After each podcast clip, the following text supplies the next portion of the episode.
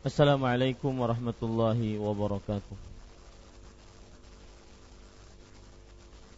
Innal hamdalillah nahmaduhu wa nasta'inuhu wa nastaghfiruh wa na'udzu billahi min shururi anfusina wa sayyiati a'malina.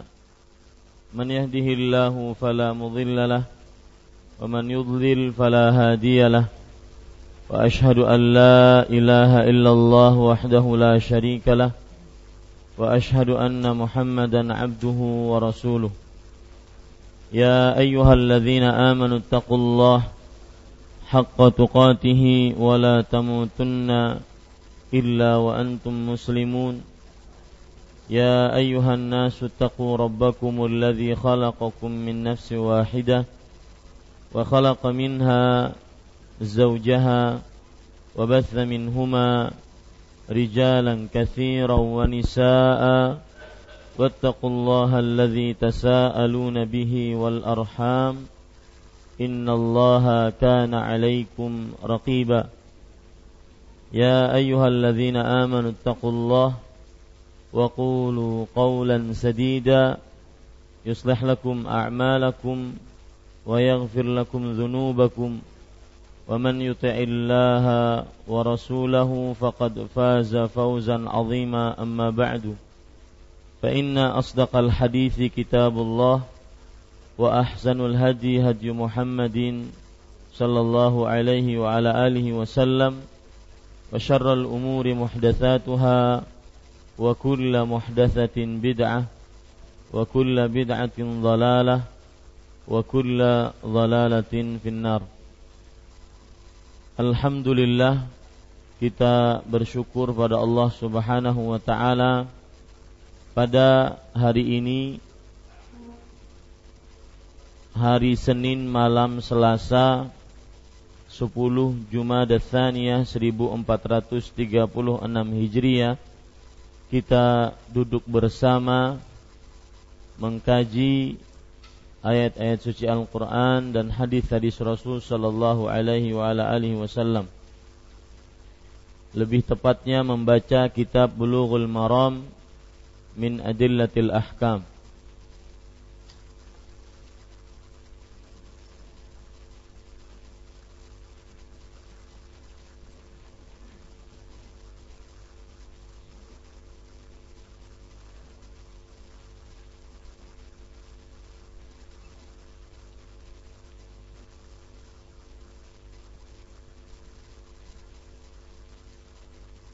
Sudah?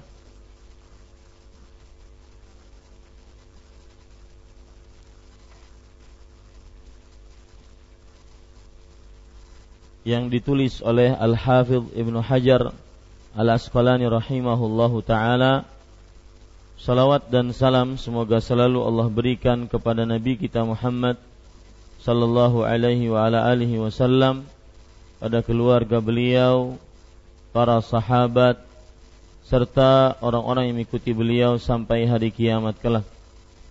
Dengan nama-nama Allah yang husna dan sifat-sifat yang ulia, kita berdoa Allahumma inna nas'aluka ilman nafi'an wa rizqan tayyiban wa amalan mutaqabbala. Wahai Allah, sesungguhnya kami mohon kepada Engkau ilmu yang bermanfaat, rezeki yang baik, dan amal yang diterima. Amin ya rabbal alamin.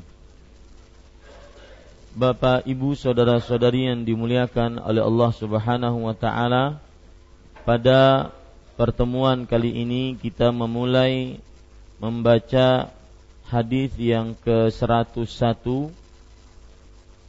pada halaman 47. Wa an Jabirin radhiyallahu anhu qala قال رسول الله صلى الله عليه وعلى آله وسلم إذا تغوط الرجلان فليتوارى كل واحد منهما عن صاحبه ولا يتحدثا فإن الله يمقت على ذلك. رواه أحمد وصححه ابن السكان وصححه ابن السكن. Wa ibnul Qattan wa huwa ma'lul. Artinya dari Jabir radhiyallahu anhu dia berkata Rasulullah sallallahu alaihi wa ala alihi wasallam bersabda apabila dua orang hendak buang air besar hendaknya masing-masing menutupi dirinya dari yang lainnya dan janganlah keduanya berbincang-bincang karena Allah membenci perbuatan seperti itu. Diriwayatkan oleh Ahmad dan disahihkan oleh Ibnu As-Sakan serta Ibnu Al-Qattan. Hadis ini mempunyai cacat.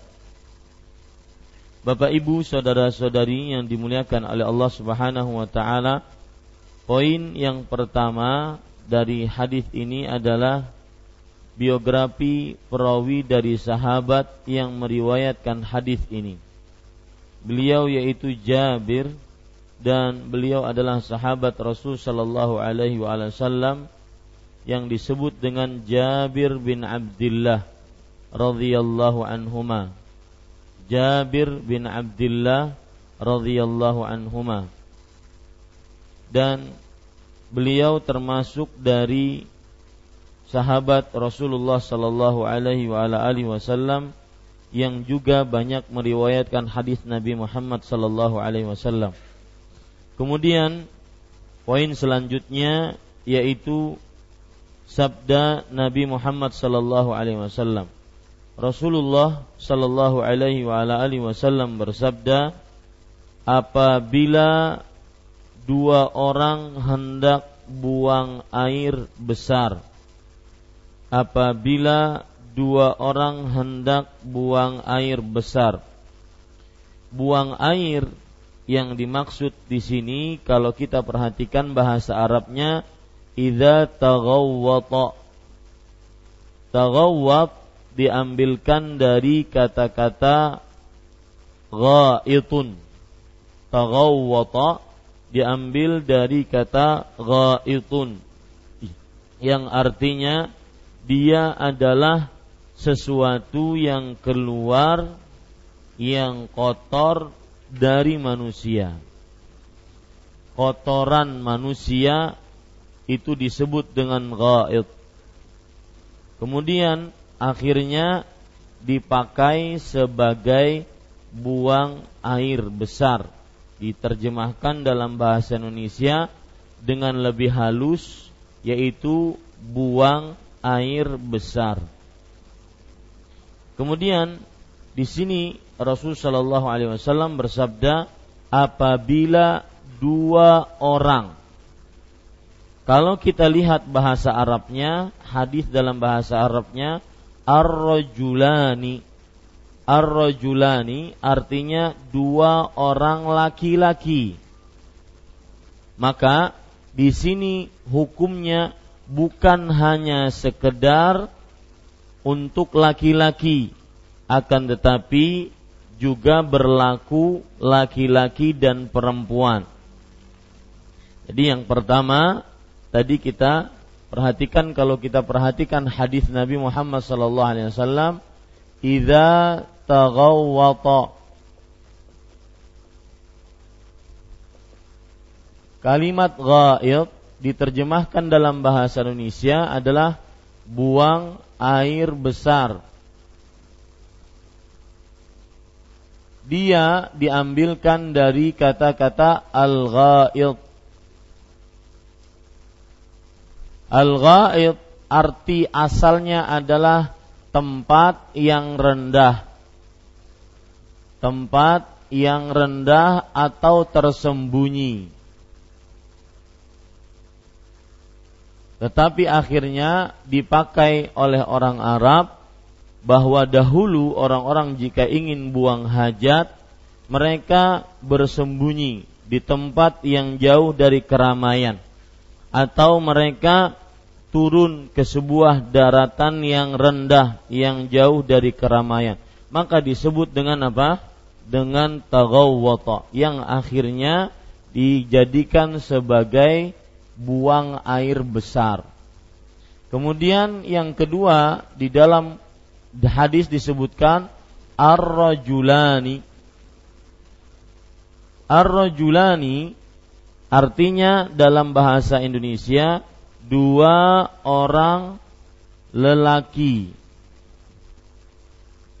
Kalau kita lihat dalam buku terjemahan kita, maka itu hanya disebutkan jika apabila dua orang.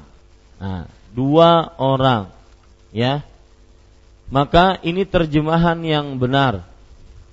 Terjemahan yang benar seperti ini. Kalau kita terjemahkan letterlock secara bahasa Arab ke bahasa Indonesia, maka sebenarnya terjemahannya adalah apabila dua orang lelaki.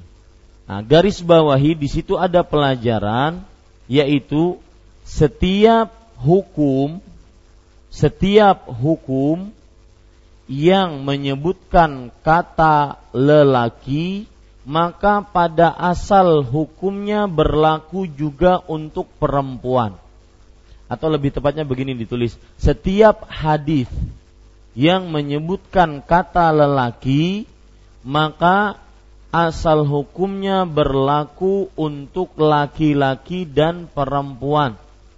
Ya. Kalau kita terjemahkan di sini apabila dua orang lelaki, maka di sini hukumnya pun sebenarnya sama.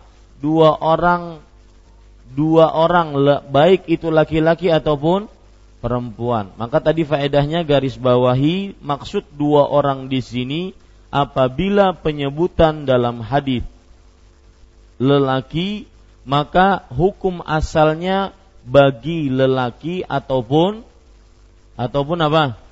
perempuan. Baik. Kemudian sini disebutkan oleh Rasul sallallahu alaihi wasallam apabila dua orang buang hendak buang air besar hendak buang air besar sudah kita ketahui tadi buang air besar yang dimaksud adalah mengeluarkan kotoran dari badan yaitu dari dubur ya dari dubur. Taib. Kemudian Bapak Ibu saudara-saudari yang dimuliakan oleh Allah Subhanahu wa taala, di sini Rasulullah SAW kemudian bersabda, hendaknya masing-masing menutupi dirinya. Hendaknya masing-masing menutupi dirinya dari yang lainnya maksud dari menutupi dirinya dari yang lainnya adalah maksudnya yaitu jangan sampai terlihat dia sedang buang air baik air kecil atau air besar. Jadi dicatat maksud dari menutupi dirinya adalah hendaknya dia jangan sampai terlihat oleh orang lain. Oleh orang lain. Ya. Ketika buang air besar atau buang air kecil. Nah nanti di sini ada pelajaran tapi terakhir nanti kita ambil uh, yaitu hukum. Ketika Rasul Shallallahu Alaihi Wasallam bersabda di sini lihat hendaknya masing-masing menutupi dirinya kata-kata hendaknya menutupi ini kan apa? Pe perintah. Ini apa? Perintah. Nah, nanti hukumnya perintah ini wajib atau tidak? Paham? Ya, nanti itu kita ambil pelajaran di akhir. Hukumnya perintah ini wajib atau tidak?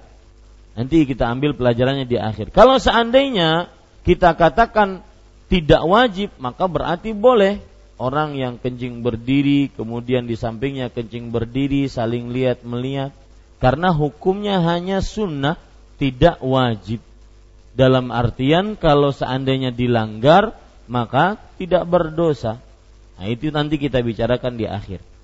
Taib kemudian di sini Rasul Shallallahu Alaihi Wasallam bersabda dan janganlah keduanya berbincang-bincang Bapak Ibu saudara-saudari, maksud daripada berbincang-bincang janganlah di sini artinya adalah larangan. Janganlah ya di garis bawahi janganlah maksudnya larangan. Larangan untuk berbincang-bincang. Ya, untuk berbincang-bincang. Kemudian karena Allah membenci perbuatan tersebut. Lihat di dalam bahasa Arabnya di halaman 47 fa innallaha yamqutu dzalik. Lihat ya, yamqutu. Nah, di situ diterjemahkan apa? Karena sesungguhnya Allah apa di situ? Membenci. Ya. Kalau kita lebih dalam dalam bahasa Arab, al-maqtu ya, al-maqtu itu lebih dahsyat dibandingkan murka. Al-maqtu lebih dahsyat dibandingkan murka. Maka tulis begitu, ya. Maksud dari membenci garis bawahi begitu adalah lebih dahsyat dibandingkan dibandingkan murka. Seperti firman Allah Subhanahu wa taala di dalam hadis banyak sekali di antaranya Bapak Ibu saudara-saudari yang dimuliakan oleh Allah Subhanahu wa taala yang dikatakan oleh Al-Syekh Muhammad ibn Salih Al-Utsaimin rahimahullah. Beliau mengatakan al-maqtu asyaddul bughdi. Artinya atau boleh diganti apa yang saya tulis al-maqtu itu adalah kemurkaan paling tinggi. Nah, begitu. Diganti, diganti, ya, diganti. Kemurkaan paling tinggi. Al-maqtu adalah kemurkaan paling tinggi. Jadi di sini Rasul Shallallahu Alaihi Wasallam kan bersabda diterjemahkan membenci. Maka garis bawahi maksud membenci adalah mendapatkan kemurkaan paling tinggi. Nah, begitu ya, mendapatkan kemurkaan paling tinggi. Ini Bapak Ibu, saudara-saudari yang dimuliakan oleh Allah. Kalau kita perhatikan kata al-maktu dalam Al-Quran banyak. Di antaranya Allah subhanahu wa ta'ala berfirman dalam Al-Quran, Kabura maqtan indallah antakulu ma la taf'alu. Artinya, sungguh sangat besar kemurkaan yang paling tinggi dari Allah ketika kalian mengucapkan sesuatu tapi tidak mengamalkannya. Ini buruk. Ini munafik. Ya. Memben- mengatakan sesuatu tetapi tidak mengatakannya. Dan itu disebutkan oleh Allah dalam surat As-Saff ayat 3. Ya, dalam surat As-Saff ayat 3. Begitu juga dalam surat Ghafir atau Al-Mu'min ayat 35. Allah berfirman, alladzina yujadiluna fi ayatillah bighairi sultanin atahum kabura maqtan indallah orang-orang yang melawan di dalam tanda-tanda kekuasaan Allah tanpa ilmu yang diberikan kepada mereka maka mereka mendapatkan murka yang paling tinggi di sisi Allah. Lihat, maqtan yang dalam bahasa hadisnya di situ innallaha yamqutu ala dzalik yang kalau diterjemahkan Allah membenci perbuatan tersebut. Ingat, kata membenci diambil dari kata al-maqtu yang artinya kemurkaan yang paling tinggi. Ustadz, kenapa begitu detil? Karena kita ingin memahamkan hadis ini pada diri kita sehingga benar-benar merasa paham dan akhirnya tidak mengerjakan apa yang disebutkan dalam hadis ini berupa larangan. Ya berupa larangan. Taib. Kemudian Bapak Ibu saudara-saudari yang dimuliakan oleh Allah Subhanahu wa taala kalau kita perhatikan ada hadis Rasul Shallallahu alaihi wasallam tentang yang kutu juga membenci juga. Di antaranya hadis dan mudah-mudahan ini menjadi adab kita di dalam kehidupan sehari-hari yaitu Rasulullah sallallahu alaihi wasallam bersabda di dalam hadis innallaha yamqutul fahishal badhi. Sesungguhnya Allah Subhanahu wa taala membenci lisan yang berkata kotor, keji, porno atau berkata kasar. Nah, ini. Ini pun memakai yam kutu. Maka hati-hati jauhi hal seperti ini. Ya, ini Bapak Ibu, saudara-saudari yang dimuliakan oleh Allah Subhanahu wa taala. Taib. Kalau sudah kita pahami, poin yang kedua berarti hadisnya sudah dipahami. Sekarang kita masuk kepada poin yang ketiga, yaitu derajat hadis ini. Kalau kita perhatikan, penulis mengatakan diriwayatkan oleh Ahmad. Diriwayatkan oleh Ahmad dan disahihkan oleh Ibnu As-Sakan serta Ibnu Qattan. Hadis ini mempunyai cacat. Bapak Ibu, saudara-saudari yang dimuliakan oleh Allah Subhanahu wa taala, kalau kita perhatikan hadis ini Sebagian ada yang melemahkan, sebagian ada yang mensahihkan. Ya, sampai saat ini saya seperti itu. Hadis ini sebagian ada yang melemahkan, ada yang mensahihkan. Ya, kalau kita lihat catatan kakinya 101 jayid. 101 itu artinya jayid, jayid itu artinya baik.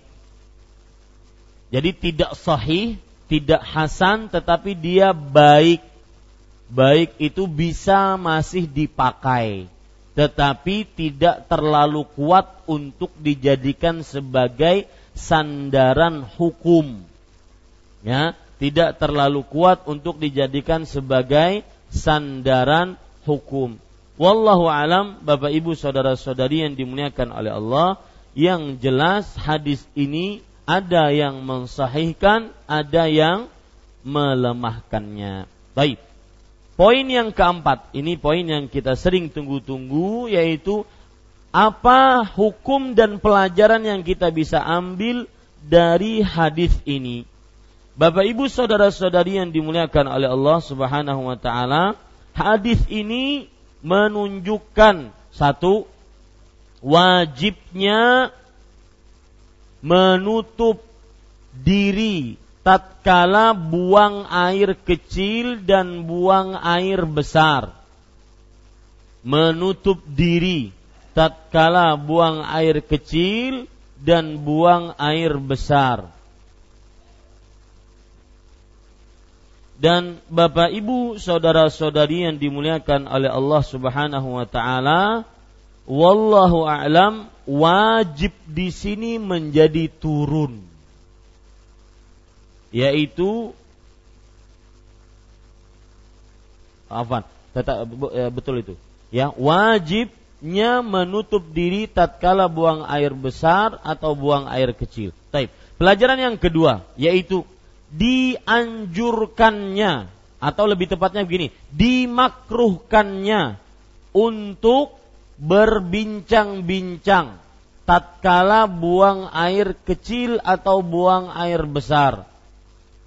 Dimakruhkan untuk berbincang-bincang tatkala buang air kecil atau buang air besar.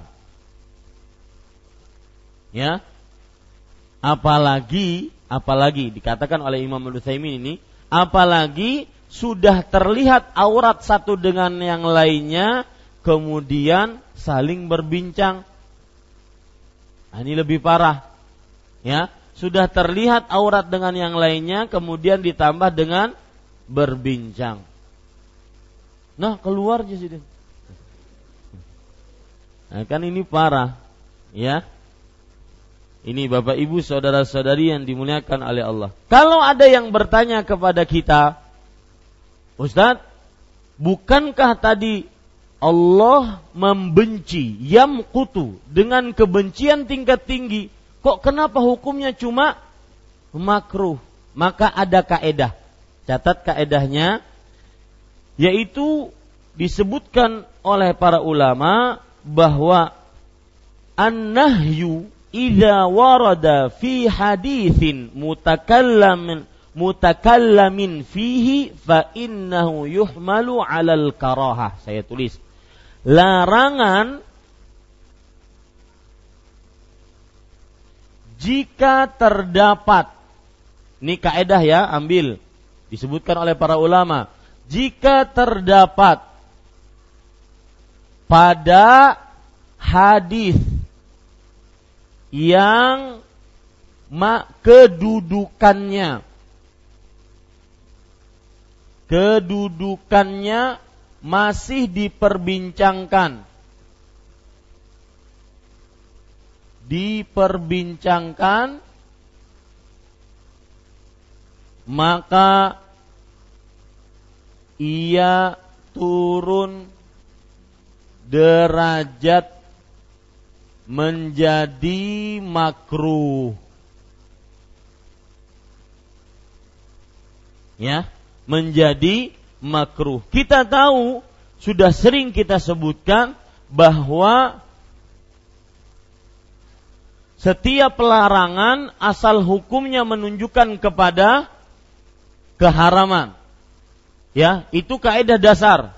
Setiap larangan menunjukkan kepada keharaman. Tetapi ketika larangan tersebut terdapat pada hadis yang masih derajatnya diperbincangkan, bukankah seperti yang saya sebutkan tadi, ya, eh, sayangnya kita tidak bisa masuk ke dalam rincian kenapa hadis tersebut diperbincangkan karena uh, tidak terlalu uh, diperlukan untuk kita sebagai jamaah yang masih umum sekali untuk membicarakan itu yang jelas saya sebutkan hadis ini masih diperbincangkan di antara para ulama. Nah, apabila larangan terdapat dalam hadis yang masih diperbincangkan antara sahih antara lemah, maka dia turun. Larangan yang asalnya haram menjadi turun menjadi apa?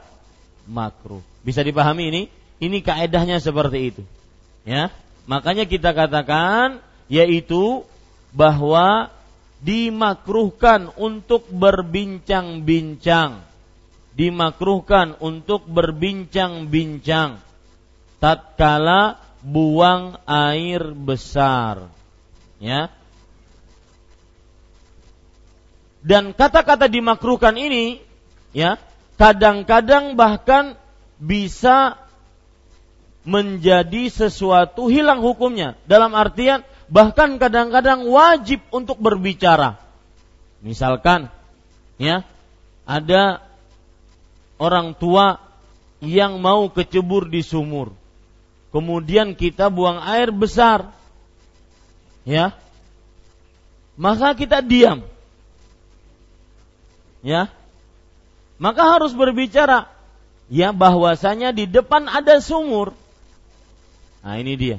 Jangan sampai dibicarakan. Makanya ketika kita mengucapkan makruh ini juga faidahnya banyak. Kenapa? Karena terkadang hukum makruh ini terangkat bahkan menjadi wajib berbicara kalau di di apa?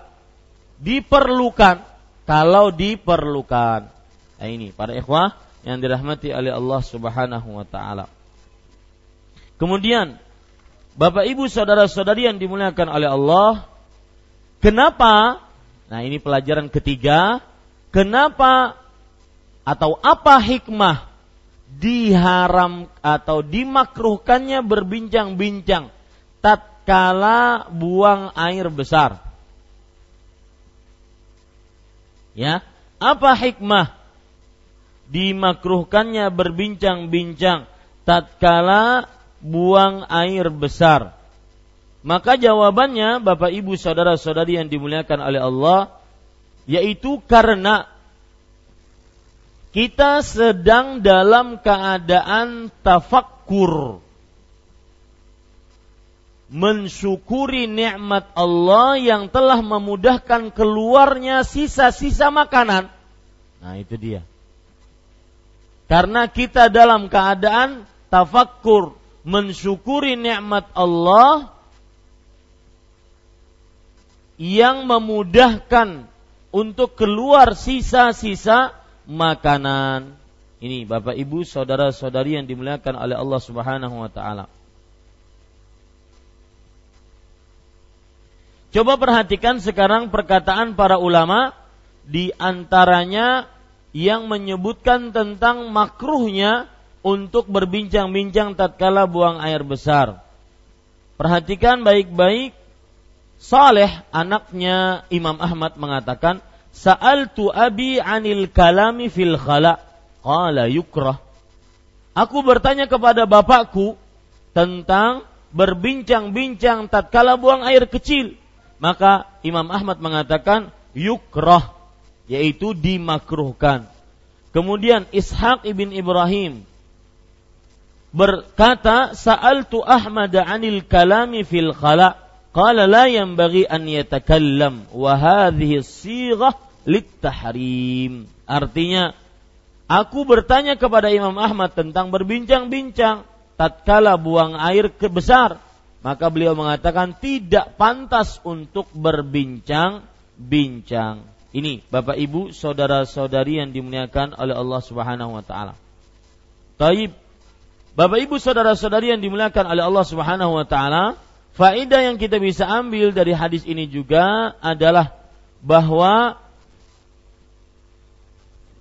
diharamkannya terlihat tatkala buang air besar disebabkan karena ditakutkan terlihat auratnya. Diharamkannya terlihat tatkala buang air besar disebabkan karena terlihat eh, disebabkan karena takut terlihat auratnya. Ini Bapak Ibu saudara-saudari yang dimuliakan oleh Allah Subhanahu wa taala.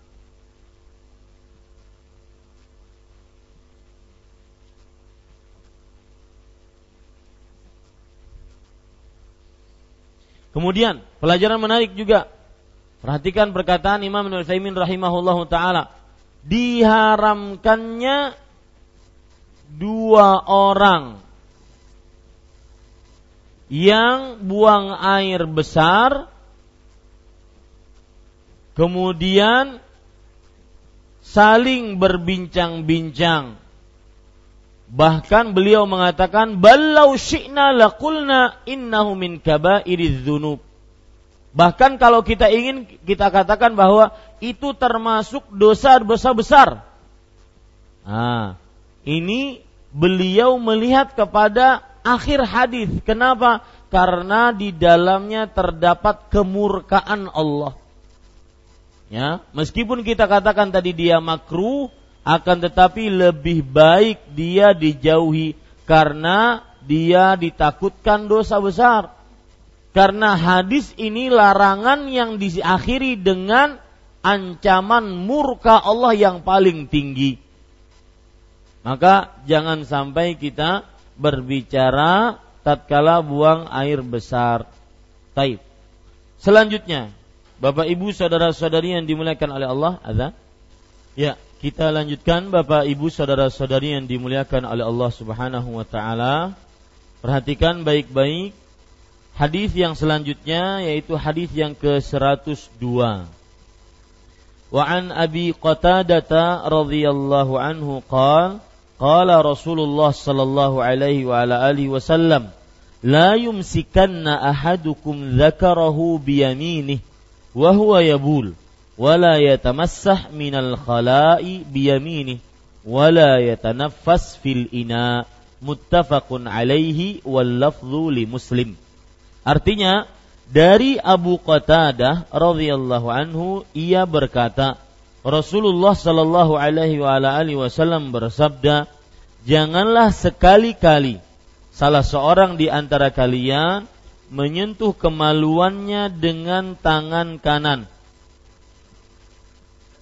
ketika kencing. Dan janganlah ia cebok dari buang air besar dengan tangan kanannya. Dan serta janganlah ia bernafas dalam wadah ketika minum. Muttafaqun alaih. Lafat ini adalah lafat muslim. Bapak Ibu saudara-saudari yang dimuliakan oleh Allah Subhanahu wa taala. Poin pertama yang kita pelajari pada kesempatan kali ini adalah Abu Qatadah. Abu Qatadah, Bapak Ibu saudara-saudari yang dimuliakan oleh Allah, adalah sahabat Rasulullah sallallahu alaihi wa alihi wasallam. Dan beliau terkenal dengan kunyahnya. Catat itu. Abu Qatadah terkenal dengan kunyahnya. Dan Bapak Ibu saudara-saudari yang dimuliakan oleh Allah, nama dari Abu Qatadah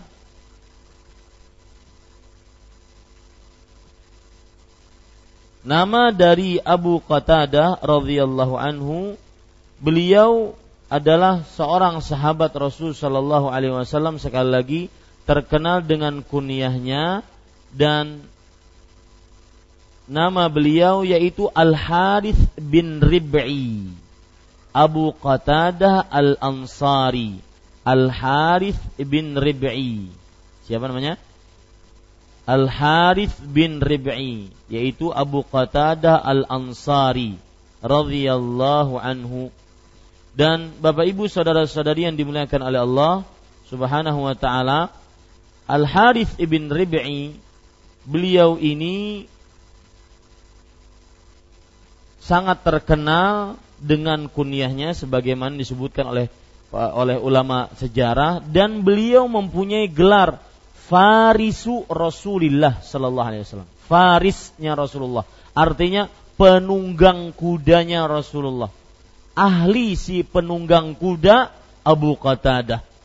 Di zaman Rasulullah sallallahu alaihi wasallam yang bernama Al Harith bin Rib'i dan beliau ikut semua perang bersama Rasul sallallahu alaihi wasallam dari mulai peperangan Uhud. Ya dari mulai peperangan Uhud. Dan beliau pernah memimpin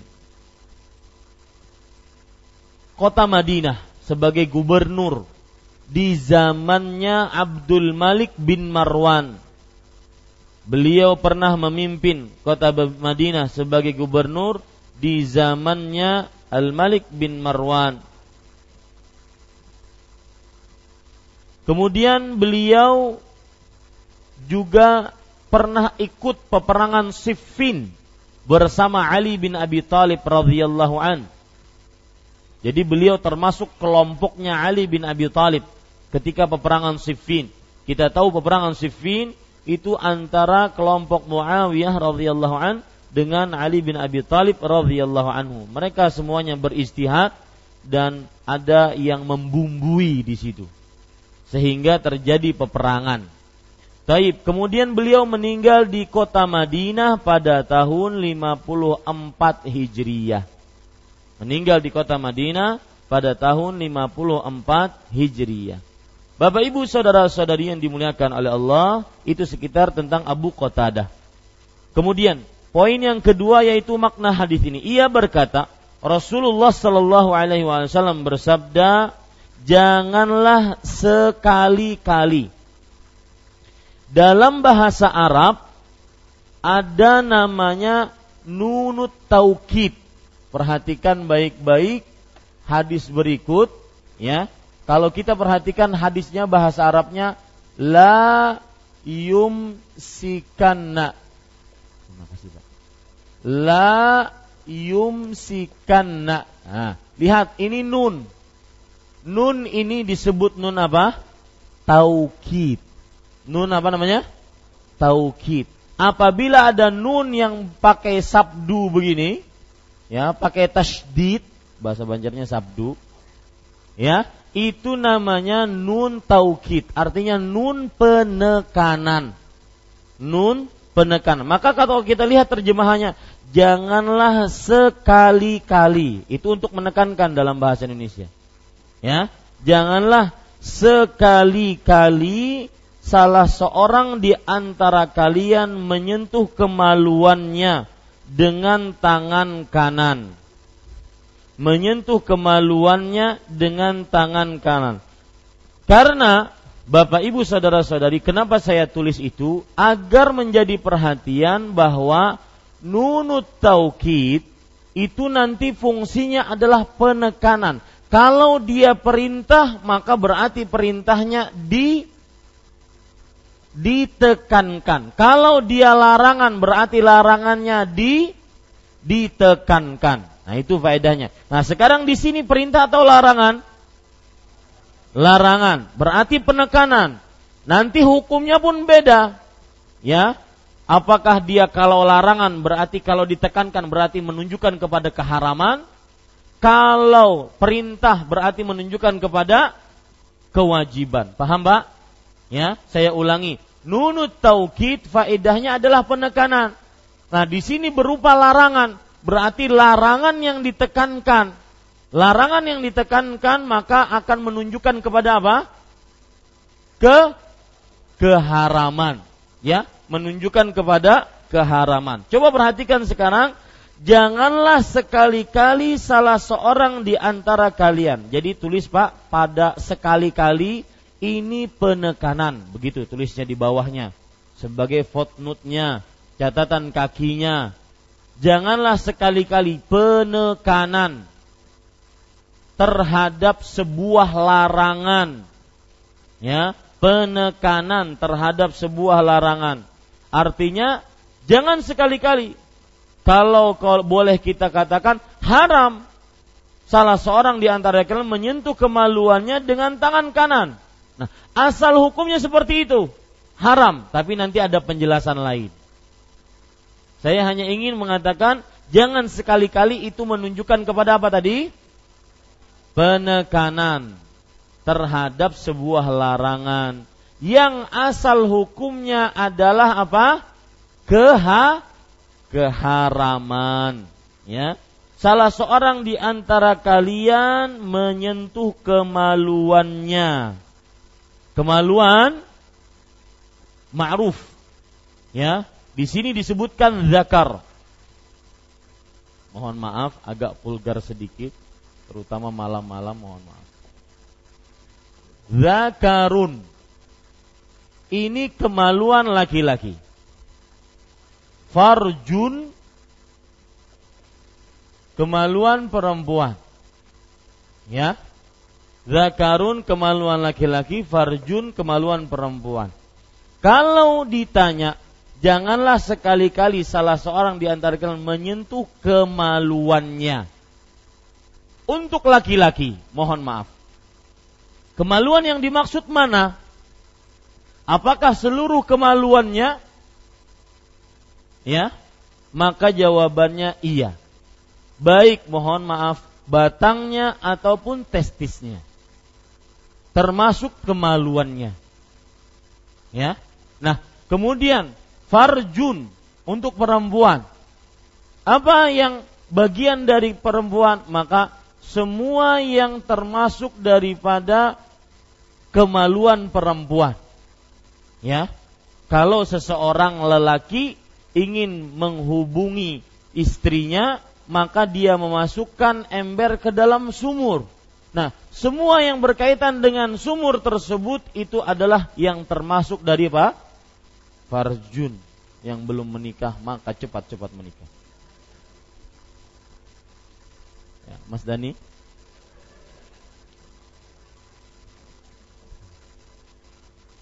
Ya, perhatikan baik-baik Bapak Ibu saudara-saudari yang dimuliakan oleh Allah. Paham sekarang? Jangan di, uh, kalian menyentuh kemaluannya. Jadi kemaluan laki-laki semua yang berkaitan dengan itu.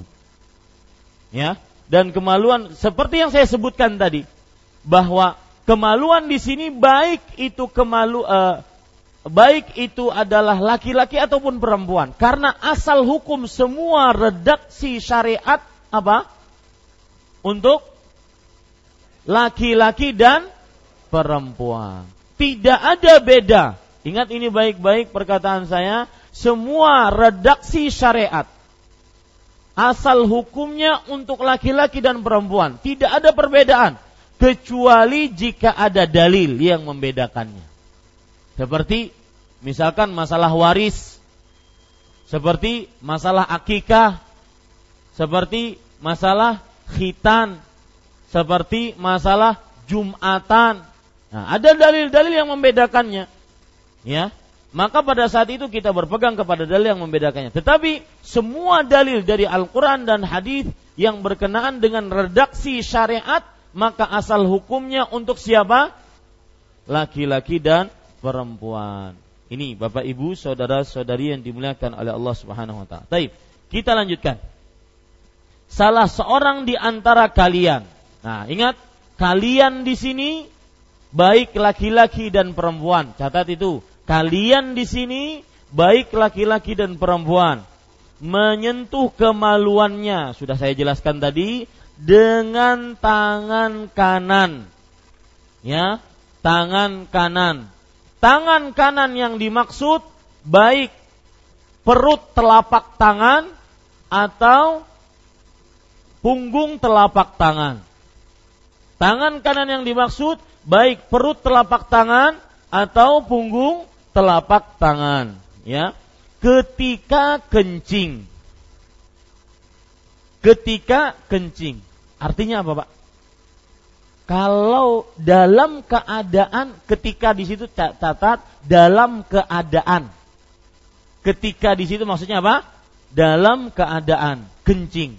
Nah, kalau ada orang bertanya, Ustadz, kalau pas lagi kada bekami kayak apa? Boleh tidak?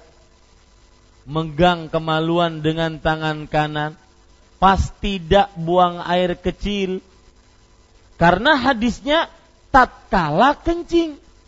Berarti mafhumul mukhalafah ada dalam bahasa Arab itu namanya mantuk. Gak apa-apa kita dalam-dalaman tidak mengapa ya. Ada dalam bahasa Arab itu namanya mantuk. Mantuk itu apa? Apa yang diucapkan oleh Rasulullah. Itu namanya apa? Mantuk. Yang diucapkan oleh Rasulullah. Nah, dari mantuk ini ada namanya mukhalafah. Mukhalafah. Ya. Yaitu pemahaman mafhum mukhalafah afwan. Keliru saya. Mafhum. Salah, mafhum. Mukhalafah. Ya, perhatikan baik-baik dalam ilmu bahasa Arab, terutama ayat Al-Quran dan hadis, ada namanya mantuk. Mantuk itu apa? Yang di yang disebutkan oleh Rasulullah. Lihat di sini. Rasulullah SAW menyebutkan, jangan sekali-kali kalian memegang kemaluan kalian dengan tangan kanan tatkala kencing. Itu mantuknya. Itu yang kita dengar dari Rasulullah, itu yang diucapkan oleh Rasulullah. Berarti mafhumnya yang dipahami dari hadis itu berarti apa? Kalau di luar kencing, hah? Boleh. Itu namanya mafhum mukhalafah. Pemahaman balik. Paham Pak? Saya beri contoh yang lain. Rasul Shallallahu Alaihi Wasallam bersabda, man salaka tariqan yaltamisu fihi ilman sahhalallahu lahu bihi tariqan al jannah. Lihat ini keutamaan menuntut ilmu. Barang siapa yang berjalan dan rasakan ini Pak, saya sering menyinggung permasalahan ini. Rasakan ini tatkala Bapak keluar rumah, mungkin baru dari kantor karena ini hari Senin banyak pekerjaan, sesudah Ahad dan Sabtu, Sabtu dan Ahad e, libur, Senin banyak pekerjaan, baru dari kantor pulang langsung mandi, langsung ke sini maka rasakan itu adalah ibadah. Ini perkara hati. Rasakan itu ibadah, kita meluangkan waktu untuk menuntut ilmu. Tidak ada lain kecuali ilmu yang kita cari. Tidak ingin uh, dilihat oleh fulan bin fulan, tidak ingin di, mendapatkan apa-apa, hanya ingin nuntut ilmu. Maka rasakan itu ibadah, maka barang siapa yang menuntut ilmu, lihat agungnya maka Allah Subhanahu wa saya ulangi, barang siapa yang berjalan menuntut ilmu, Allah akan memudahkan dia jalan menuju surga. Itu yang mantuk. Berarti pemahaman baliknya apa? Yang tidak menuntut ilmu tidak dimudahkan masuk surga. Wah, bahaya nggak? Dan itu terbukti. Yang tidak berilmu susah untuk beribadah. Gimana? Semua ibadah dibangun di atas ilmu. Itu namanya mafhumul mukhalafah. Itu namanya pemahaman balik dari hadis ini. Begitu juga kita pahami tadi, jangan sekali-kali salah seorang di antara kalian memegang dengan tangannya uh, kemaluannya dengan tangan kanannya tatkala kencing. Itu mantuknya yang kita yang kita dengar dari Rasul Shallallahu Alaihi Wasallam. Berarti pemahaman baliknya di luar kencing apa? Boleh dipegang. Jangan ragu-ragu. Boleh dipegang. Maka ada boleh ya Pak? Nah. Ya. Ini Bapak Ibu saudara-saudari yang dimuliakan oleh Allah Subhanahu wa taala. Paham? Catat mantuk adalah yang didengar dari hadis Rasulullah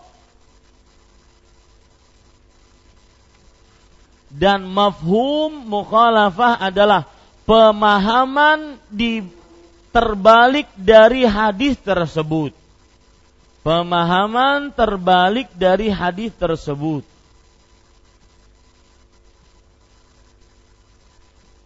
Baik. Kemudian kita lanjutkan Bapak Ibu saudara-saudari yang dimuliakan oleh Allah dan janganlah ia cebok dari buang air besar. Cebok maksudnya di sini adalah istinja. Cebok maksudnya saya memakai terjemahan apa kata yang dipakai oleh penerjemah ya. Cebok maksudnya adalah membersihkan kotoran. Dalam bahasa agamanya istinja, membersihkan kotoran dalam bahasa agamanya apa? Istinja. Dari buang air besar dengan tangan kanannya. Ini pun berarti larangan. Ya, ini pun berarti larangan, yaitu dilarang beristinja dengan tangan kanan tatkala buang air besar. Kemudian para Bapak Ibu saudara-saudari yang dimuliakan oleh Allah Subhanahu wa taala wala yatanaffas fil ina. Nah, ini aneh sedikit nih. Ya, sudah membicarakan istinja, kemudian kencing, kok langsung minum? Paham maksudnya, Pak? Coba lihat artinya. Serta janganlah ia bernafas dalam wadah ketika minum. Apa hubungannya? Nah, maka jawabannya catat ya. Hub, uh, catat dulu permasalahannya. Jadi serta janganlah ia bernapas dalam wadah ketika minum. Tulis terdapat permasalahan. Apa hubungannya minum dengan kencing dan buang air besar? Nah, itu dia. Minum dan kencing dan e, dan buang air besar. Maka jawabannya itu permasalahannya dulu, ya. Terdapat permasalahan dalam dalam hadis ini. Apa hubungannya minum? Kok disebutkan setelah menyebutkan tentang adab kencing dan adab buang air besar? Kok langsung ke minum? Kan tidak cocok. Maka jawabannya Bapak Ibu saudara-saudari yang dimuliakan oleh Allah Subhanahu wa taala bahwa dijawab oleh Imam Ibn Taimin rahimahullah bahwa mungkin jawabannya ya mungkin Abu Qatadah mendengar hadis ini dua kali. Yang pertama, beliau dengar tentang kencing dan buang air besar, tidak boleh dengan memakai tangan kanan. Di tempat yang lain, dalam kesempatan yang lain, beliau mendengar bahwa tidak boleh bernafas di wadah tatkala minum. Maka beliau gabungkan. Paham ya? Nah, begitu ya. Jadi jawabannya mungkin Abu Qatadah radhiyallahu an mendengar hadis ini dua kali.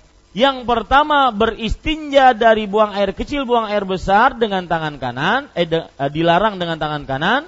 Dan yang kedua di tempat yang lain, keadaan yang lain, waktu yang lain beliau mendengar jangan bernafas di dalam wadah tatkala minum. Maka kemudian untuk memudahkan beliau apa? Beliau gabung.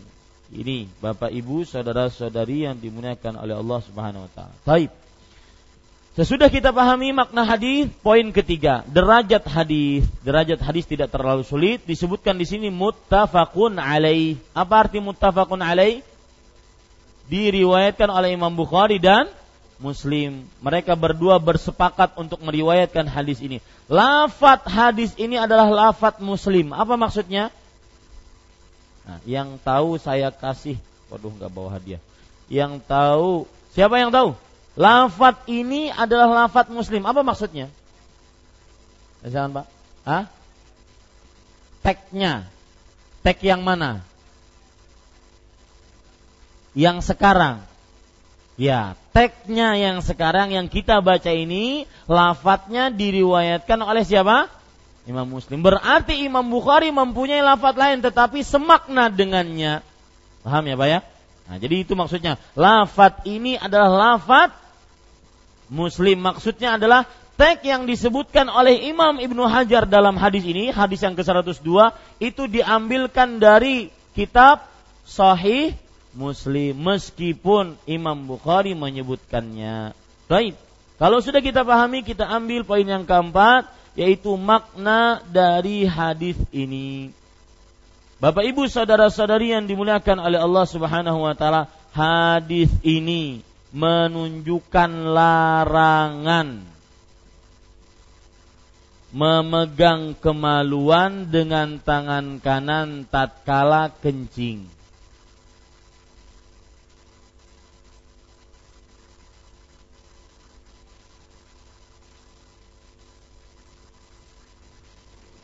Hadis ini menunjukkan larangan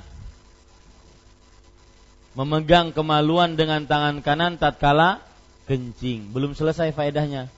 Larangannya tapi larangan apa? Haramkah?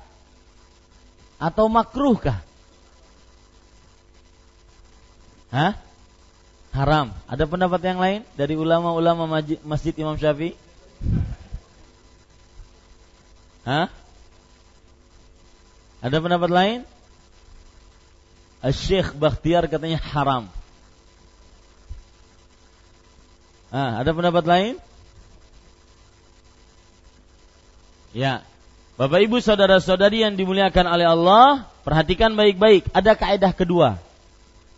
Ya, sebelum kaidah kedua saya lanjutkan dulu dan larangan ini hanya berbentuk kemakruhan. Syekh salah.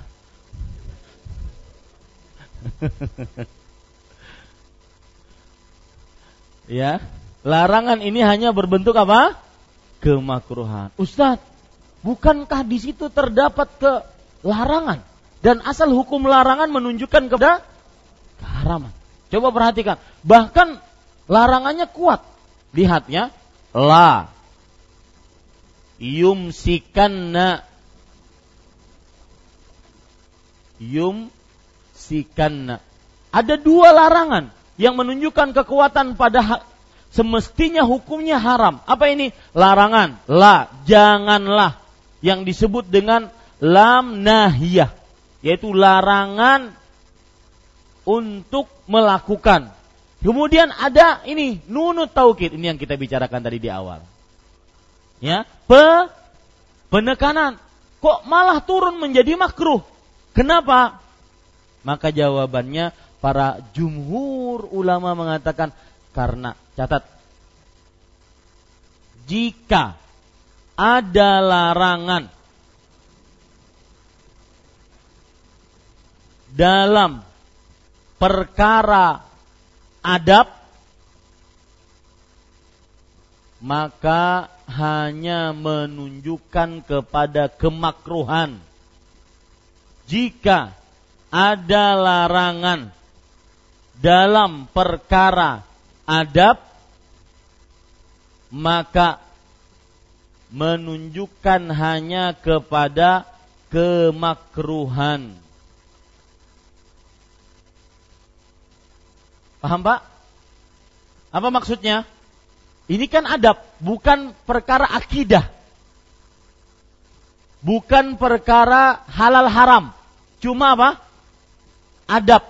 Kalau halal haram maka ha, menunjukkan kepada keharaman. Tapi ini adab. adabnya kalau orang buang air kecil jangan memegang kemaluan dengan tangan kanan. Kalau terpegang maka hukumnya apa? Makruh. Tetapi ingat lagi, meskipun makruh jangan dibiasakan. Ya, lebih baik dipegang dengan tangan kiri. Taib.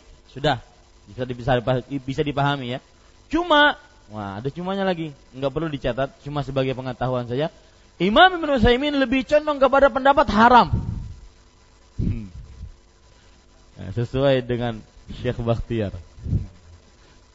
Ya, Imam Ibn Utsaimin lebih condong kepada pendapat haram bahwasanya karena dilihat asal hukum keharaman eh larangan keharaman. Kemudian terdapat apa?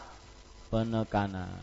Tapi jumhur mengatakan dia cuma makruh dan ini yang muta'aruf bainal ulama. Ini yang dikenal di antara para ulama bahwa apabila ada larangan dalam perihal apa tadi? Adab bukan halal haram, bukan akidah, maka menunjukkan kepada ke makruhan. Wallahu alam. Taib. Kemudian Bapak Ibu saudara-saudari pelajaran yang keberapa? Yang ketiga. Yang ketiga ya. Tadi Bapak menyebutkan tentang kaedah kan? Yang ketiga, taib. Bolehkah memegang kemaluan dengan tangan kanan di luar kencing? Bolehkah memegang kemaluan dengan tangan kanan di luar kencing?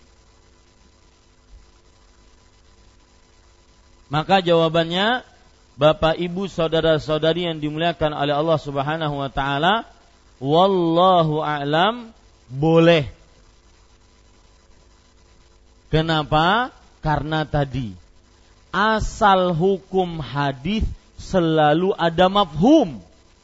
Mantuknya tatkala kencing. Berarti mafhumnya di luar kencing apa? Boleh. Ini para ikhwah yang dirahmati oleh Allah Subhanahu wa taala. Cuma cuma lagi nih. Syekh Utsaimin lebih wara, lebih hati-hati jauhi.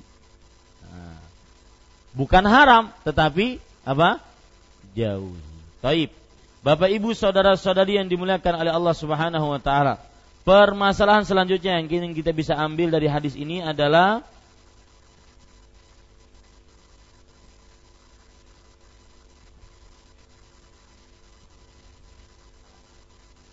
Hadis ini menunjukkan dalil bahwa larangan beristinja dengan tangan kanan. Larangan beristinja yaitu bu, e, cebok buang air besar dengan tangan kanan. Ya. Sama hukumnya karena dia dalam perkara adab maka dia pun hukumnya apa? Makruh. Larangannya hanya berupa kemakruhan saja. Taib. Ada permasalahan selanjutnya yang keberapa? Yang kelima, yaitu kalau orang kidal gimana? Ya, Artinya dia tidak bisa.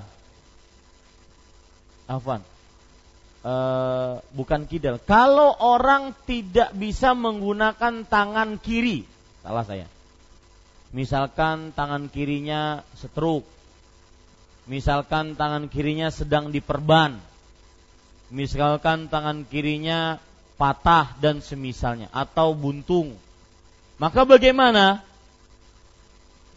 Ya, maka jawabannya karena diperlukan boleh kita memakai kaedah usul fikih yang berbunyi al hajatu tuqaddaru biqadariha atau ad-daruratu tuqaddaru biqadariha. Saya ulangi, ad-daruratu tubihul mah mahzurat. Artinya keadaan terpaksa membolehkan hal yang diharamkan. Catat itu. Itu kaidah usul fikih. Keadaan terpaksa membolehkan hal yang diharamkan. Dan keterpaksaan pun ditakar dengan ukurannya. Itu dua kaedah yang saling berkaitan dengan yang satu yang lain. Ad-daruratu tubihul mahdhurat, keadaan terpaksa membolehkan yang diharamkan. Wad-daruratu tuqaddaru biqadariha. Ad-daruratu tuqaddaru biqadariha. Ya, keadaan terpaksa ditakar sesuai dengan keperluannya. Sesuai dengan keperluannya. Jadi kalau seandainya dia tidak bisa menggunakan tangan kirinya untuk beristinja, untuk memegang kemaluan dengan tangan kirinya, maka pada saat itu ya dia termasuk orang yang terpaksa. Dan terpaksa diperbolehkan karena ya, memperbolehkan hal yang diharamkan. Dan keterpaksaan ditakar dengan takarannya. Tapi pelajaran selanjutnya, Bapak Ibu saudara-saudari yang dimuliakan oleh Allah. Yaitu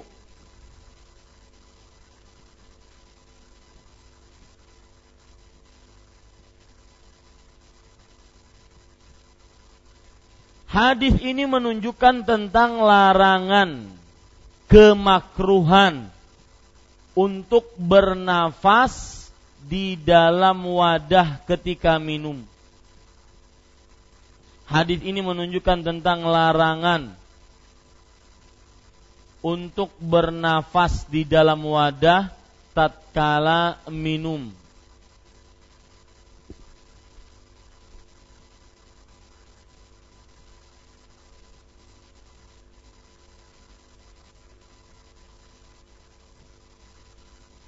Ya. Dan itu disebabkan tiga hal. Satu, nafas bisa membawa penyakit ke dalam wadah. Nafas di dalam wadah bisa membawa penyakit ke dalam wadah. Yang kedua, nafas atau bernafas di dalam wadah bisa mengeluarkan suatu kotoran dari mulut atau dari hidung ke dalam wadah. Bernafas di dalam wadah bisa mengeluarkan kotoran dari mulut atau dari hidung tatkala bernafas dalam wadah.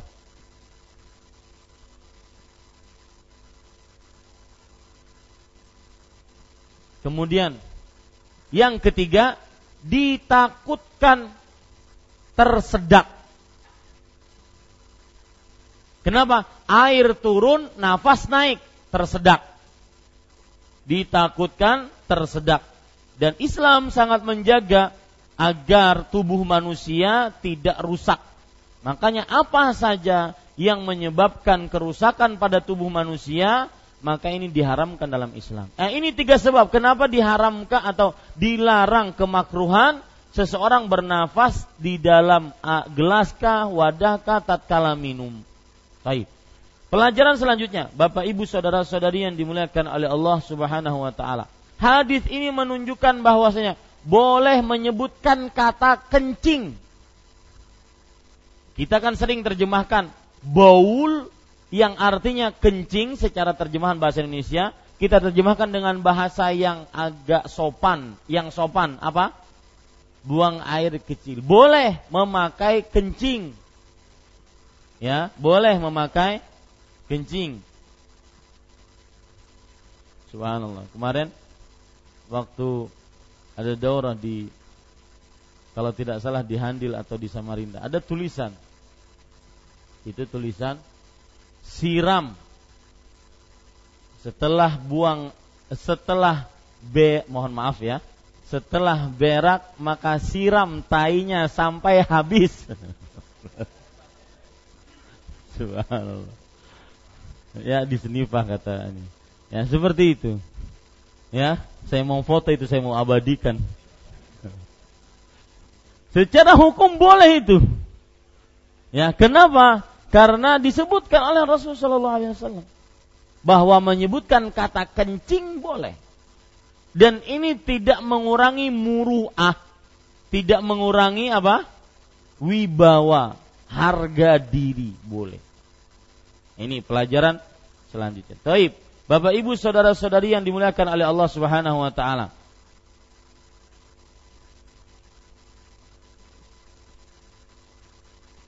Ya, itu kira-kira yang bisa disampaikan. Nah, sebelum eh, pelajaran terakhir bahwa di sana ada hadis Rasul Shallallahu Alaihi Wasallam eh, tentang keutamaan minum dengan tiga kali nafas di luar. Jadi begini, kalau kita minum, ya, ini nanti ada dalam kitab Riyadhus Salihin, Babul Adab besok insya Allah. Tetapi belum masuk ke dalam apa itu hadis tersebut. Tapi kalau kita minum, adabnya kita minum, kemudian bernafas di luar sekali. Minum lagi, bernafas lagi. Minum lagi, kemudian selesai. Atau lebih daripada itu, yang penting air di gelas tersebut kita bagi-bagi. Di sana ada keutamaannya. Lihat hadis Rasul Shallallahu Alaihi Wasallam riwayat Muslim dari Anas bin Malik radhiyallahu anhu beliau bercerita, karena Rasulullah Shallallahu Alaihi Wasallam yatanaffasu fi syarabi thalathan. Nabi Muhammad sallallahu alaihi wasallam di dalam minum beliau bernafas selama tiga kali. Ini maksud bernafas ini artinya membagi minuman itu sebanyak apa? Tiga kali. Kemudian beliau bersabda, Innahu arwa. Apa arti arwa? Arwa itu artinya adalah lebih menghilangkan haus. Nah, Makanya yang minum gaya-gaya onta, huruk, huruk, huruk, huruk, lawan botol pulang dengan huruk.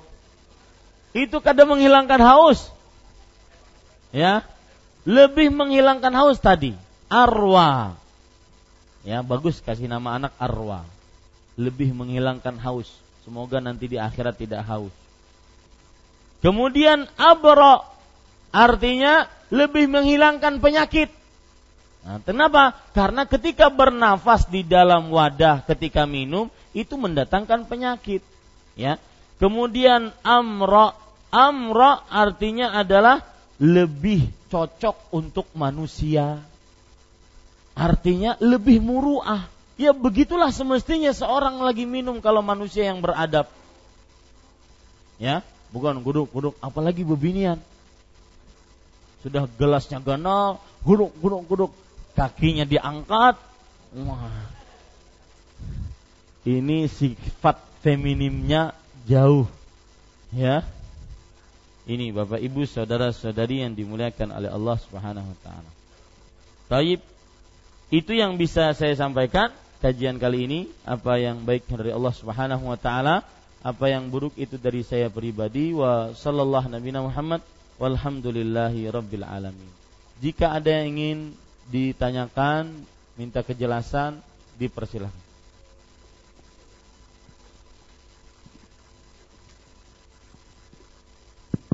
Assalamualaikum warahmatullahi wabarakatuh. Terima kasih. Semoga Allah senantiasa menjaga Ustadz. Amin. Begini Ustadz, ya, ini ada permasalahan. Uh, ada seseorang itu uh, pada saat dia di dalam WC Terus ada anak kecil gitu, anak kecil yang sekitar umur eh, tujuh tujuh tahun perempuan gitu, gedor-gedor pintu WC, bah bah bah, cepat tiba, anu anak bakami. Nah, abahnya nih istilahnya tuh, aduh nak, oh, abah lagi sakit parut nah, berbicara gitu berbicara. dengan anak kecil. Uh, pian di kamar mandi aja situ kini habis bakami, cimbur langsung.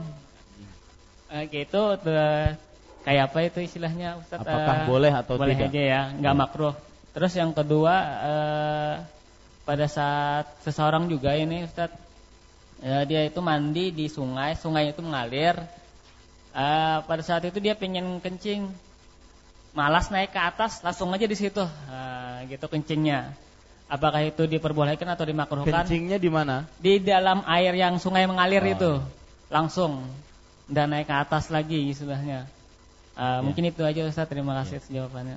Waalaikumsalam warahmatullahi wabarakatuh. Jazakumullahu khairan atas pertanyaannya. Yang pertama, maka seperti yang kita bilang tadi bahwa hukum berbicara tatkala kencing lebih baik dijauhi. Bahkan boleh kalau dibilang oleh Imam Nutaimin bisa dikategorikan sebagai dosa besar. Akan tetapi saat yang disebutkan contoh secara detil tadi itu adalah saat yang diperlukan untuk berbicara. Ya, kadang-kadang anak-anak tidak paham, maka dia akan tetap tetap, uh, tetap mengganggu orang tuanya maka mungkin jika diperlukan untuk menjawab dijawab. Jika tidak, maka tidak perlu dijawab. Tetapi pada saat yang lain nanti dijelaskan bahwa tidak diper, uh, tidak diperbolehkan berbicara dengan orang yang sedang di dalam di dalam kamar mandi. Tapi ada juga yang di dalam kamar mandi membela misalkan ya, membela diri misalkan. Lah kasih lah kasih cepat cepat di dalam kamar mandi. Yang di eh, ya, yang di luar. Maka yang di dalam kamar mandi hadangi stumat lagi. Yang di luar mengatakan jangan berbicara. Tapi yang juga memandang memandang yang berbicara ya pak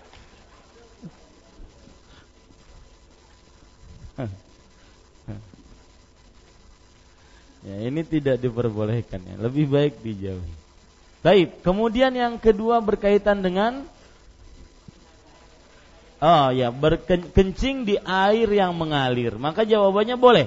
Yang diharamkan oleh Rasulullah SAW adalah la yabulanna ahadukum fil ma'id la yajri. Tidak boleh salah seorang dari kalian kencing di air yang tidak mengalir, yang tidak yang tidak mengalir, di air yang mengenang yang tidak mengalir. Bahasanya begitu. Kalau dia mengalir maka dia akan mengalir bergantian dengan air yang lain, tidak mengapa. Wallahu alam.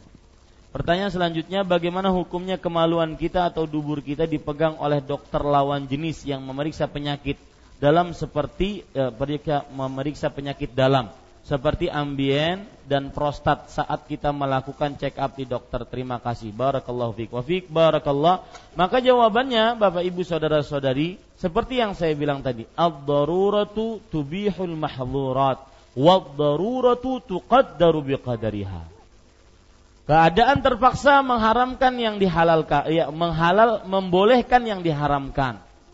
Tetapi keadaan terpaksa itu pun dibatasi dengan takarannya. Lihat, ya.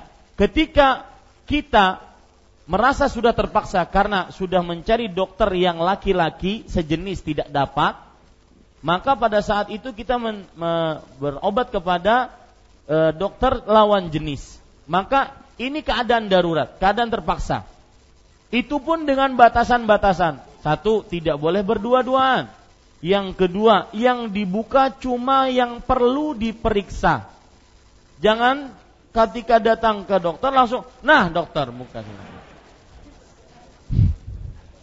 Ya, tidak perlu seperti itu.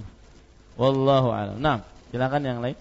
Ustaz, e, di sini dijelaskan bahwa Mana yang bertanya? Iya. Ustaz, e, di sini dijelaskan bahwa apabila dua orang hendak buang air besar, hendaknya menutupi. Nah, seandainya apakah satu juga berlaku karena ada satu di kantor Anda ada satu toilet berdiri menghadap. Jadi satu apa? Satu saja toiletnya bukan berdam kan kebanyakan orang kan kiri kan ber, sejajar banyak gitu loh. Hmm. Ini cuma satu, cuma menghadap. Apakah itu termasuk yang dilarang juga karena karena bagian belakang kelihatan dia lagi buang air apakah termasuk yang dilarang? Iya. Terus saya jawab kedua. dulu, bentar. Kenapa disebutkan dua di sini dalam hadisnya? Karena kan berbincang. Nah, kalau satu sih dia hendak berpandir lawan siapa? Nah, itu dia. Ya, kecuali kalau seandainya ya uh, jadi maksud penyebutan dua di sini bukan bukan karena duanya ya, tetapi karena terjadi apa? Perbincangan.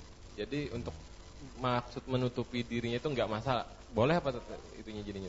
Iya, harus menutupi Tetap dirinya. Harus, itu lebih... nanti ada hukum lain, ya. Jadi hukum dua orang ini berkaitan dengan berbincang. Ya, lebih Adapun menutup diri di hadis yang lain sebelumnya ada hadis itu. Nah. Terus, terus yang kedua, uh, Sayyidina Utsman disebutkan oleh Rasulullah tidak pernah memegang kemaluan dengan tangan kanan. Apakah keutamaan tersebut berkaitan dengan hadis yang 102 ini Ustaz? Sehingga ataukah memang ada keutamaan lain yang menyebutkan sehingga kita lebih utama untuk menghindari memegang tangan kemaluan dengan tangan kanan? Saya tidak tahu kalau ada riwayat uh, apa uh, sahabat Utsman bin Affan radhiyallahu anhu tidak pernah memegang dengan tangan kanan. Saya tidak tahu. Ketidaktahuan saya bukan berarti tidak ada ya. Mungkin bisa ada faedah. Ada pernah baca hadis atau gimana? Makanya saya bertanya. Oh ya. Enggak, ya saya makanya uh, kadang-kadang begitu Syekh Ibn Bas mungkin beliau siapa yang tahu faedahnya di antara yang hadir. Itu demi karena memang agar ilmunya kita dapatkan. Ya. Jadi saya belum tahu riwayatnya kalau ada Utsman bin Affan tidak memegang kemaluannya dengan tangan kanan. Yang saya tahu riwayatnya adalah Utsman bin Affan kata Rasul sallallahu alaihi wasallam, "Kaifala astahi birajulin yastahi minhul malaika?" Bagaimana aku tidak malu? Jadi begini ceritanya. Suatu ketika Rasul sallallahu alaihi wasallam rebahan sambil terbuka sedikit pahanya. Abu Bakar masuk beliau biarkan. Umar radhiyallahu anhu masuk beliau biarkan. Tapi tatkala Utsman masuk beliau singkap, beliau tutup pahanya. Aisyah radhiyallahu anha melihat kejadian itu beliau bertanya, "Kenapa ketika Abu Bakar, Umar masuk engkau biarkan? Ketika Utsman engkau tutup?" Maka keluarlah hadis itu. Bagaimana aku tidak malu dengan seseorang yang malaikat malu kepadanya? Nah, sekarang di situlah disebut bahwa sifat dari Utsman bin Affan yang sangat dominan adalah pemalu. Apakah kemudian pemalu tersebut beliau ada riwayatnya? Maksud pemalu adalah tidak memegang dengan tangan kanannya? Saya belum tahu riwayat.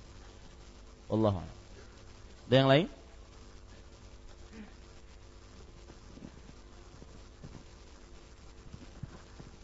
Bismillah, Assalamualaikum Ustaz uh, Sedikit saja Ustaz Kemarin yang waktu Banyak ada Bapak Yang waktu makan tangan kanan itu Apakah termasuk adab yang dima bisa dimasukkan dalil jadikan makruh? Bagus. Ini jeli, ini pertanyaan jeli. Karena kita katakan tadi larangan apabila dalam bentuk adab maka menunjukkan hanya kepada kemakruhan. Lalu di sana sebelumnya kita mengatakan makan dan minum dengan tangan kanan dan tidak boleh makan dan minum dengan tangan kiri. Maka jawabannya tetap haram. Kenapa? Meskipun dia adab karena dia disamakan dengan syai syaitan. Di situ penguatnya. Ya. Jadi begini cara berpikirnya, Pak. Bahwa larangan apabila dalam adab maka asal hukumnya menunjukkan kemakruhan. Kecuali jika ada dalil-dalil yang menguatkan lagi yang dia naik dari makruh menjadi haram. Begitu. Wallahu a'lam. Assalamualaikum Ustaz. Waalaikumsalam. E, pertanyaannya di sini tadi mengenai hikmah dimakrohkan berbincang-bincang karena sedang bertafakur. Nah, e, apakah pada saat kita buang air besar itu boleh menyebut nama Allah atau ayat-ayat Allah seperti itu? Ya, tidak diperbolehkan. Kenapa? Satu, Rasul Shallallahu Alaihi Wasallam melepas cincin beliau tatkala beliau ingin buang hajat. Yang kedua, beliau tidak menjawab salam orang yang mengucapkan salam ketika beliau buang hajat. Maksud bertafakur di sini adalah memikirkan kenikmatan yang Allah berikan yaitu berupa kemudahan buang air besar, buang air kecil. Karena Pak kalau seandainya itu tidak keluar itu penyakit. Bahkan operasi yang mohon maaf yang tidak kentut dan itu bukan menghilangkan muruah ya karena boleh yang tidak buang angin saja itu harus operasi. Nah, ini sampai bisa keluar fadalat, sisa-sisa makanan, maka ini termasuk daripada nikmat Allah. Yang oleh sebentar, oleh karenanya setelah kita buang air besar, kita mengucapkan apa? Ghufranaka. Yang artinya aku memohon ampunan kepada Engkau ya Allah. Kenapa? Karena mungkin kita kurang syukurnya. Nah, itu disebutkan oleh Imam Al-Khattabi. Kenapa setelah buang hajat kita malah beristighfar. Ya, karena mungkin syukur kita kurang, maka kita beristighfar. Terima kasih. Yang selanjutnya Pak Ustadz, eh, bolehkah kita nyebokin anak-anak umur 3 tahun pakai tangan kanan? Terus yang ketiga, tadi kan ada adab, adab buang air kecil sama buang air besar. Kalau buang angin seperti apa Pak Ustadz? Adabnya. Iya buang angin. Yang terakhir Pak Ustadz, eh, saya pernah didatangin seorang ustadz ya dua kali Pak. Jadi dalam tata cara menuntut ilmu itu disebutkan katanya kita harus mankul, harus berhadapan lihat e, gerak tubuh dan lain-lain. Terus yang kedua harus ustadznya itu harus jelas, harus memiliki sanat yang dia pegang ada ininya, kayak ijazah gitu. Saya lihat juga itu dari sanatnya harus nyambung sampai Rasulullah. Saya juga lihat eh, paling atas Rasulullah sampai bawah nama ustadz tersebut. Uh, mohon penjelasannya Pak Ustadz. Terima kasih. Assalamualaikum ya. warahmatullahi wabarakatuh. Waalaikumsalam warahmatullahi wabarakatuh. Yang pertama yaitu tentang me beristin mengistinjakan anak kecil dengan tangan kanan. Maka hukumnya umum beristinja tidak boleh dengan tangan kanan. Tetapi dengan tangan kiri. Baik untuk istinja diri sendiri ataupun mengistinjakan untuk orang lain meskipun itu anak kecil. Ya, satu. Yang kedua, karena tidak ada pembatasan. Ketika tidak ada pembatasan maka kita ambil kepada keumumannya. Semua hadis yang tidak ada pembatasan jangan dibatasi kecuali dengan dalil. Kemarin ketika di Madinah saya dapat pelajaran menarik dari Syekh Ibrahim bin Amir Ruhaili. Man qayyadal mutlaq fahuwa mubtadi'.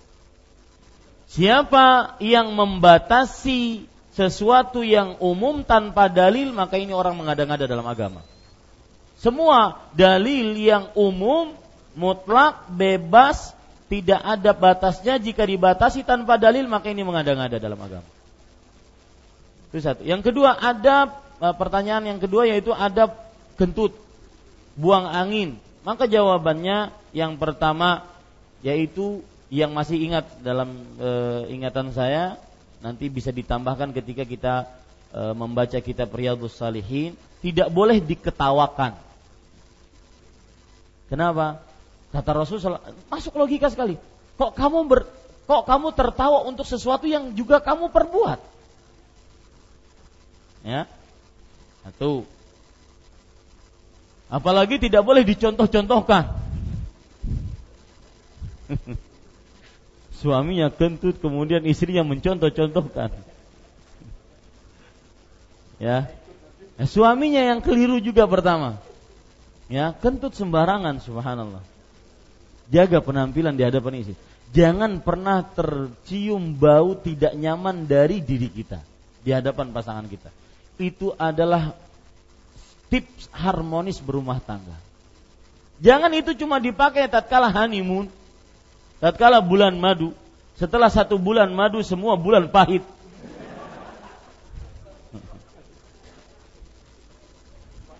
ya, baik. Yang ketiga, eh, yang eh, adab yang kedua di antaranya yaitu eh, ketika buang angin, seseorang menutup hidungnya, menandakan dia yang buang angin. Ya, ada adab-adabnya itu. Nanti dalam kitab Riyadhus Shalihin kita bacalah. Ya, itu dua yang saya masih ingat. Kemudian yang ketiga tentang mangkul. Mangkul di sini seperti yang disebutkan oleh e, saudara e, baru sekali ya datang. Tiga kali ya. Baik. Mangkul di sini maksudnya adalah bahwa kita belajar kepada seseorang yang yang mempunyai sanat dari mulai Rasulullah turun ke sahabat turun tabi'in, turun tabi'ut tabi'in, kemudian turun tabi'ul atba, kemudian turun kepada syekh, kemudian turun kepada uh, syekhnya Imam Bukhari misalkan, kemudian baru dari Syekh Imam Bukhari tersebut turun kepada Imam Bukhari. Imam Bukhari turun kepada syekh-syekh sampai kepada ustaz tersebut. Saya jelaskan.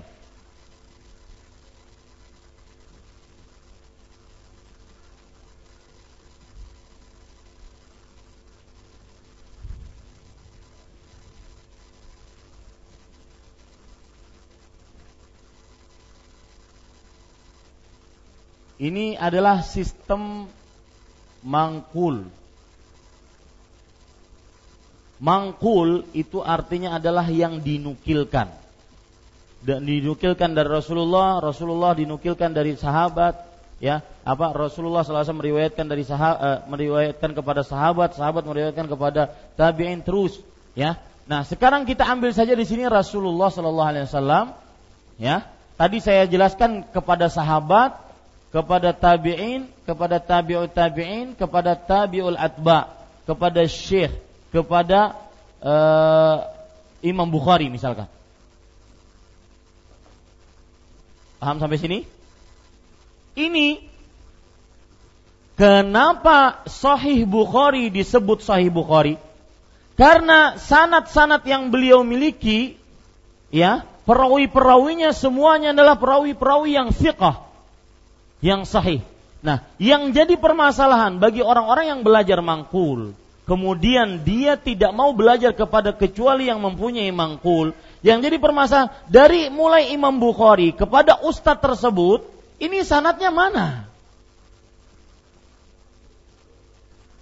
Ya, paham maksud saya? Kalau ini Imam Bukhari, ya, perawi-perawinya ini ada kitab-kitab hadis yang menjelaskan tahzibut tahzib, tahzibul kamal, al-isabah, at-tamiz dan macam siar a'lamin nubala, macam-macam hadis, macam-macam buku yang menceritakan perawi-perawi ini. Jadi kita bisa jamin bahwasanya hadis dalam Sahih Bukhari itu apa? Sahih. Sedangkan sanat dari Sahih Bukhari dari Imam Bukhari ke Ustadz ini kita nggak tahu orang-orangnya ini. Paham maksud saya? Ya, jangan-jangan tukang dusta, Jangan-jangan kita tidak tahu tempatnya di mana, keturunannya bagaimana. Paham? Jadi ini pembodohan terhadap umat. Sistem mangkul pembodohan terhadap umat dan membatasi umat untuk tidak belajar kecuali kepada yang lain, kepada dirinya. Dan kalau seandainya, kalau seandainya mau ya jujur, saya mempunyai dua sanat mangkul sampai Rasulullah SAW belajar sama saya. Yang belajar mangkul belajar sama saya. Saya bisa tunjukkan buktinya. Saya punya sanat sampai Rasulullah SAW. Hadis. Masalahnya adalah asabiyatul firqah. Yaitu fanatisme terhadap kelompok. Yang bukan kelompoknya bukan Islam. Keluar dari Islam. Ini bahaya. Anda Misalkan Pak Abdurrahman bisa ngajari Al-Qur'an ya. Bisa ngajari Al-Qur'an, mengajari Al-Fatihah, itu dia terima Al-Fatihahnya. Ini kan berarti menolak Al-Qur'an. Enggak diterima hadis Bukharinya kecuali dari ustadznya. Ini berarti menolak hadis Bukhari. Bahayanya itu. Paham maksud saya? Ya. Jadi saya, saya ulangi sekali lagi. Dari Imam Bukhari ke Ustadz ini, kita tidak tahu berapa orang di sini. Dan siapa saja ini orangnya. Sedangkan dari Bukhari ke Rasulullah, kita tidak membicarakan Rasulullah. Kita tidak membicarakan sahabat. Karena mereka semua udul. Mereka semua orang yang terpercaya, adil. Nah, kita bicarakan dari tabi'i sampai ke Imam Bukhari. Nah, itu pembicaraan perawi-perawi ini ada hadisnya. Apa? Ada kitabnya kitab-kitab yang menyebutkan perawi seperti kitab Siqat yang dikarang oleh Ibnu Hibban, Al-Du'afa yang dikarang oleh Imam Al-Uqaili. Ada hadis-hadisnya, ada perawi-perawinya. Yang di sini mana bukunya? Bisa menjamin kita bahwasanya dia adalah orang ahli sholat, tidak pernah dusta? Nggak bisa kita jamin.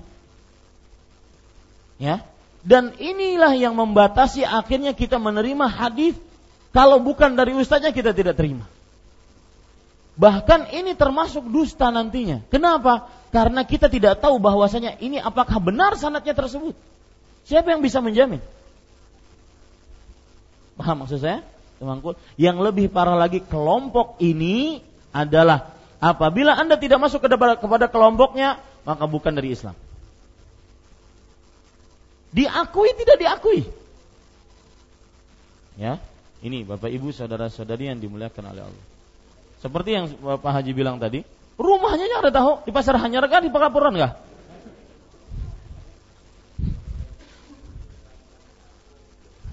pekerjaannya tahu lahir tahun berapa. Jangan-jangan, nih, ini Pak ya. Jangan-jangan ustadz ini belum bertamu lawan gurunya. Karena dalam pembicaraan rawi perawi, saya misalkan Pak Arif ketemu saya, berarti Pak Arif berhak meriwayatkan dari saya. Tetapi Pak belum ketemu dengan guru saya. Berarti dia beliau tidak berhak untuk meriwayatkan tentang guru saya. Nah itu, jadi tidak mudah membicarakan tentang mangkul. Ini pembohongan umat, dusta terhadap umat Islam. Ya, hati-hati. Wallahu alam. Kita cukupkan dengan kafaratul majlis. Subhanakallahumma bihamdik, syahadu an la ilaha illa anta astaghfiruka wa atubu ilaik. Wassalamualaikum warahmatullahi wabarakatuh.